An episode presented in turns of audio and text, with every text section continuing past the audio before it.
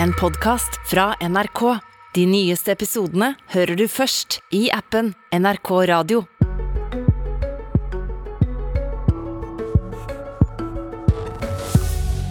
Statsminister og Arbeiderpartileder Jonas Gahr Støre, god morgen og vel møtt til Politisk kvarter. Riktig god morgen. Du har sittet i åtte måneder. Senere i dag så møter du pressa for å oppsummere før sommeren. Var det like kjekt eller gøy å være statsminister som du trodde det skulle bli?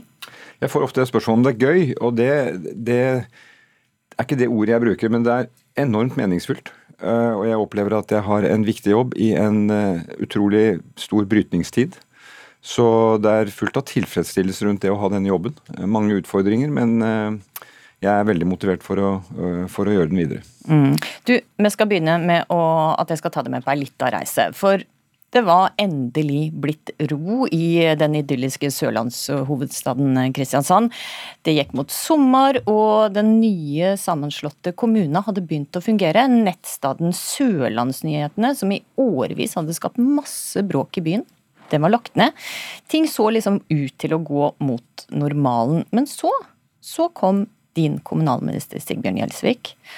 Han kom flyende ned med et vedtak om at Søgne og Sogndalen, som var blitt slått sammen med tvang med Kristiansand, de skulle få si si mening, og det blei kaos. Var det nye Kristiansand, eller var det Senterpartiet som trengte dette vedtaket her fra regjeringa? For Senterpartiet var det en veldig viktig sak. Både Senterpartiet og Arbeiderpartiet var mot tvangsbruken, hele metoden rundt hvordan disse kommunene ble slått sammen eh, tilbake i tid. Arbeiderpartiet har det vel litt mer sånn når det først er skjedd og det begynner å gå seg til, så får vi jobbe med et sånt utgangspunkt. Men for Senterpartiet var det eh, veldig viktig. Uh, og så hadde jo vi uh, det vedtaket om at vi ikke skal oppløse denne kommunen, men vi skal gi innbyggerne i de, to tidligere kommunene anledning til å si sin mening. Og i en regjering hvor du må gi og ta, så var det en løsning som vi landet på. Og jeg forstår, og du vet jo jeg har vært igjennom samtaler med mine partifeller der, at det er en uh, upopulær uh, avgjørelse. Særlig for de som har jobbet hardt for at denne kommunen kan bestå. Det kan jo hende at den vil. Det kan jo hende at det er det som på ulike måter blir resultatet fortsatt.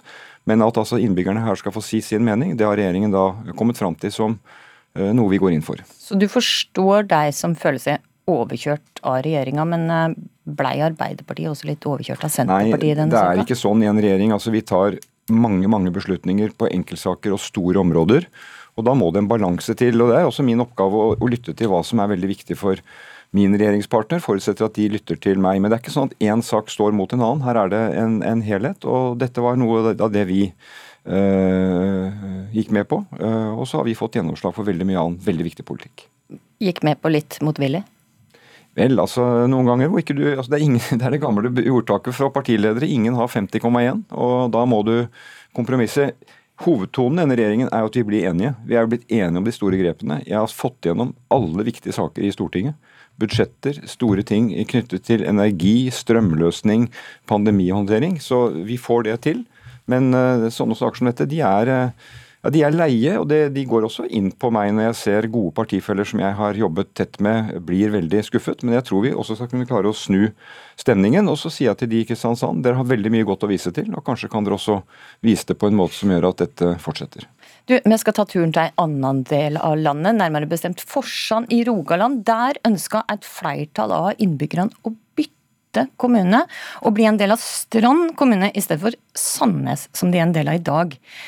Dette ville et flertall. Statsforvalteren, den ikke helt ukjente Bent Høie, han anbefalte det. Men onsdag kveld så kom avgjørelsen fra regjeringa. Forsand fikk nei. Hvorfor vil regjeringa lytte til folk i Søgne, men ikke til folk i Forsand? Kommunalministeren har gitt en vurdering av det, som jo er offentlig. at uh, her var Det det er to, to, ganske ulike saker. Alle disse sakene har jo forskjellige opprinnelser, forskjellige grenser, forskjellige ingredienser, for å si det sånn. Og hans vurdering var at eh, det å endre grensene på denne måten ville være ikke å endre den tilbake igjen til noe det var, men en ny grensedragning. Og hans helhetsvurdering var at da var det eh, best å anbefale at de forble i Sandnes. Også det, men, men hvorfor skal det lytte til folk i Søgne? Altså Når regjeringa sier overstyringas tid er forbi, hvorfor gjelder det for Søgne, men ikke jo, men i Forsand? Søgne og Sogndalen var to kommuner som ble slått sammen mot sin vilje med Kristiansand. Det har den forhistorien. Uh, og dette har en annen type forhistorie. og Den vurderingen som kommunalministeren kom med, var den. Jeg var i Stavanger i går. Jeg så jo at det var også en, et vedtak som ble tatt imot med blandede følelser. Og Derfor så er det viktig for oss å ha sagt nå at nå er det satt strek. Nå kommer det ikke flere slike saker. Nå har vi vært igjennom det disse månedene vi har sittet i regjering, de sakene som lå der. Nå er det ferdig med å høre på lokale som ønska? Ja, nå skal vi ha ro. Nå skal kommunene løse sine oppgaver. De har nok oppgaver å møte i en, i en eh, krevende tid. De skal ta vare på innbyggerne sine, hvor mange opplever at de går inn i en dyrtid. De skal gjøre den jobben som er velferdsjobben i kommunene, og være tett på behovene folk har. Og vi har en stor utfordring nå med å ta vare på de som blir særlig sårbare i forbindelse med at prisene blir høyere og vi står, i en usikker tid. Da får vi legge disse sakene Eh, parkere dem, og nå har vi satt strek. Da du og Kristiansand-ordføreren møtte pressa på mandag, så sa du at Søgne-saken den var ikke en del av et bytte mot andre saker. I Rogaland så er jo da Senterpartifolk rasende, mens eh, ordføreren, Arbeiderparti-ordføreren i Sandnes, han jubla. Hvordan skal vi tro det på at denne saka ikke var en hestehandel? Ja, Det er opp til deg. Altså, jeg har hørt, Det jeg hørte en teori her var at Utbyggingen av flyplassen i Bodø var en byttehandel mot det som skjedde i Kristiansand. Det er mange sånne teorier. Men jeg tror, sitter du i regjering, så er det en helhet som må gå opp. Partiene må føle at de står innenfor politikken. At de får gjennomslag for saker som er veldig viktige for dem. Eh, og så må de også ta med det og døyve med at de ikke får gjennomslag på noen områder. Jeg... Men var det Arbeiderpartiet eller var det Senterpartiet som fikk vilja si i saka om Forsand? Kommunalministeren har levert sin begrunnelse, og den mener jeg er uh, saklig og god, og den står vi sammen om. Men du sier jo veldig tydelig at det var Senterpartiet som fikk vilja si i saka om Søgne. Var det Arbeiderpartiet eller Nei, og da sier Jeg at altså, si jeg står jo ved den vedtaket vi har tatt når det gjelder Søgne og Sogndalen, at de skal få si sin mening. Jeg stiller opp på det, men jeg forklarer litt, eh, litt av bakgrunnen for det. Og så har det vært flere andre eh, kommuner som har vært inne nå. Ålesund har jo gjennomført folkeavstemning. Der skal det skje en eh, oppsplitting. Nå får vi Gjennomføre det, sette en strek. Hele fylkes- og kommunesammenslåingsprosessen var uryddig, skapte mye ø, dårlige følelser. Der var det det startet, med Erna Solbergs uh, reform. Og vi har måttet ta tak i noe av dette. Det er aldri lett, og derfor er det viktig å si at nå er det strek for det. Vi har andre større og viktige oppgaver å ta tak i. Når ble om Forsand tatt? Ja, Alle disse avgjørelsene ble tatt uh, rundt 1.6, sånn at vi kunne komme i mål til uh, til sommeren. Ok, du, Vi må snakke litt om økonomi, for i går så kom den største renteauken fra Norges Bank på 20 år. Gjør det at du må stramme enda mer inn på pengebruken enn planlagt? Det understreker at vi er til, på vei tilbake mot en normalsituasjon. Eh, og vi har nå eh, veldig høy aktivitet i norsk økonomi. La oss først glede oss over at det kommer 100 000 nye inn i jobb i år. Det er jo et veldig gledelig tegn. Mange av de som sto utenfor, de, mange av dem var ikke ledige, men de sto utenfor arbeidsmarkedet, kommer nå inn. Men det er høy temperatur. Og du får dette med at uh, prisene kan presse lønninger, som presser priser, som presser lønninger. Mm. Må du eh, stramme mer inn enn det du hadde tenkt? Ja, det må iallfall holde veldig ansvarlig politikk. For vi skal ikke bidra til at de rentene går opp. Og det sier jo Norges Bank i sin avgjørelse i går, at det er ikke regjeringens pengebruk som driver disse rentene. Den er faktisk lavere enn den de hadde spådd. Men vi er i et inflasjonsbilde i Europa og i Vesten nå eh, som er eh, kraftfullt. Og jeg tror Norge kan klare seg bedre enn andre land. Det skriver også Norges Bank. Vi har muligheten for en myk landing. Vi har vekst i økonomien i år. Vi kan få vekst i neste år, og vi kan holde lav ledighet. Mm. Men det som er viktig når du spør om å stramme inn, det er jo at enda viktigere for politikken blir det nå og sikre rettferdig fordeling. For dette med økte renter, det treffer oss alle. Økte priser, men særlig de som i utgangspunktet hadde en utsatt situasjon, var sårbare. Og det er de som nå må komme først i køen når vi skal fordele og, drive økonomisk politikk. Flere mener at en av grunnene til at det nå er så stort press i norsk økonomi, er at oljenæringa går som det griner, og det skjer bl.a. pga. den gunstige oljeskattepakka som eh, næringa fikk under pandemien. Og Høyre-leder Erna Solberg hun sa tidligere til NRK at denne pakka blei for gunstig. Hun sa norsk politikk gjorde en feil ved at man stimulerte for hardt på dette tidspunktet. Forstår du henne? Ja, og så sier hun at det har hun ikke tenkt å gjøre noen ting med. Så eh, det er iallfall den konklusjonen hun trekker. Vi ikke, hadde ikke fasiten da til hvordan økonomien, oljeprisen, rammebetingelsene ville utvikle seg. Jeg mener det var riktig å gjøre det vi gjorde da. Så kan du si i ettertid hadde du hatt all informasjon, så hadde det kanskje den vært satt sammen på en litt annen måte, men Ja, ja sier du det? Nei, men det kan, det kan selvfølgelig hende når du, når du, får informasjon etter hvert, men det var viktige ting Men hvis du hadde visst det du veit i dag, da, at oljeprisen skulle opp på 120 dollar fatet, hadde denne pakka vært like god, da? Dette er teknisk, da, men man endte med en friinntekt på 23 eh, Hadde du landet på 20 eller 18 hvis du hadde visst hva som kom de neste månedene? Kanskje det, men du tok den beste avgjørelsen du kunne da. Og vi reddet deler av norsk vekst, nei, verkstedsindustri, leverandørindustri.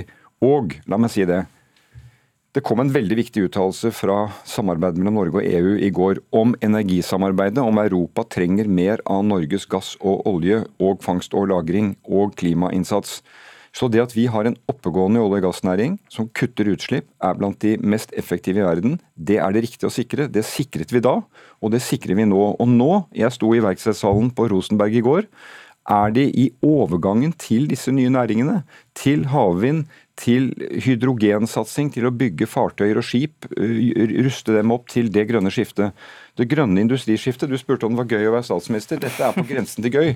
For det er, jo, det er utrolig spennende det Jan Christian Vestre og regjeringen nå legger fram. 100 tiltak for sju næringer for å, for å lykkes med dette. Og i det så er olje- og gassnæringen helt avgjørende, for der ligger kompetansen. Og det at vi reddet den, det står jeg inne for. Og det er godt å høre at du har det litt gøy også. Ja, det er det. Det er godt å si fra. Tusen takk for at du kom til eh, Politisk kvarter. Om jeg går over til det. Lars Nehru Sand, politisk kommentator eh, her i NRK.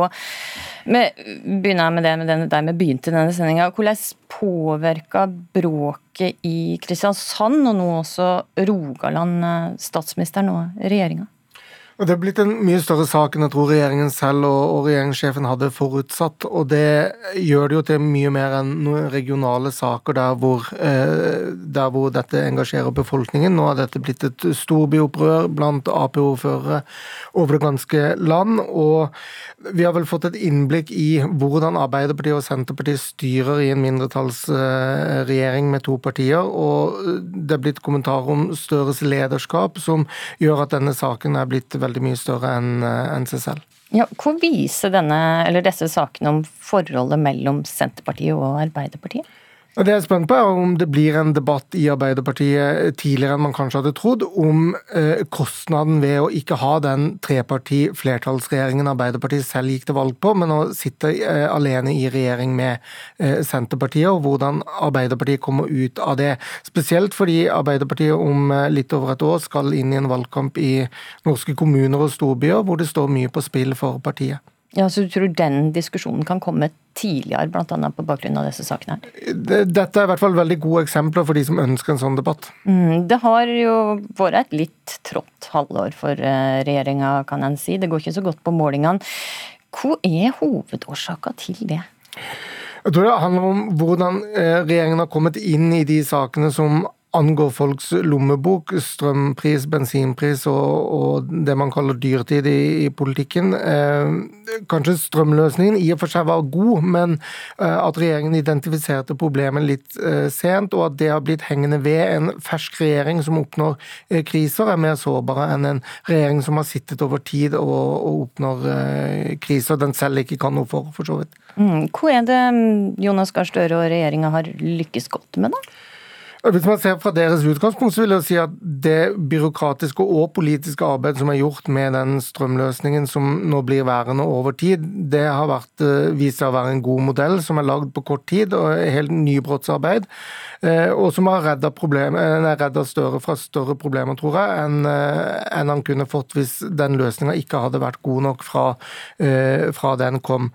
Så når utgangspunktet til regjeringen er at man ikke vil eller tar sjansen på på å sette ned eh, drivstoffavgiftene, så har jo Støre klart å stå imot opinionen eh, og forventningene der, og gjør det han mener er en god politisk løsning, og en løsning regjeringen kan gå god for, eh, fordi man ikke vet hva som hadde skjedd med prisen du og jeg betaler bensin på bensinstasjonen hvis staten hadde satt ned avgiftene på, på sin side. Mm, og etter sommeren, da, hva kan vi vente oss? Vil de tøffe tidene for regjeringa fortsette, tror du?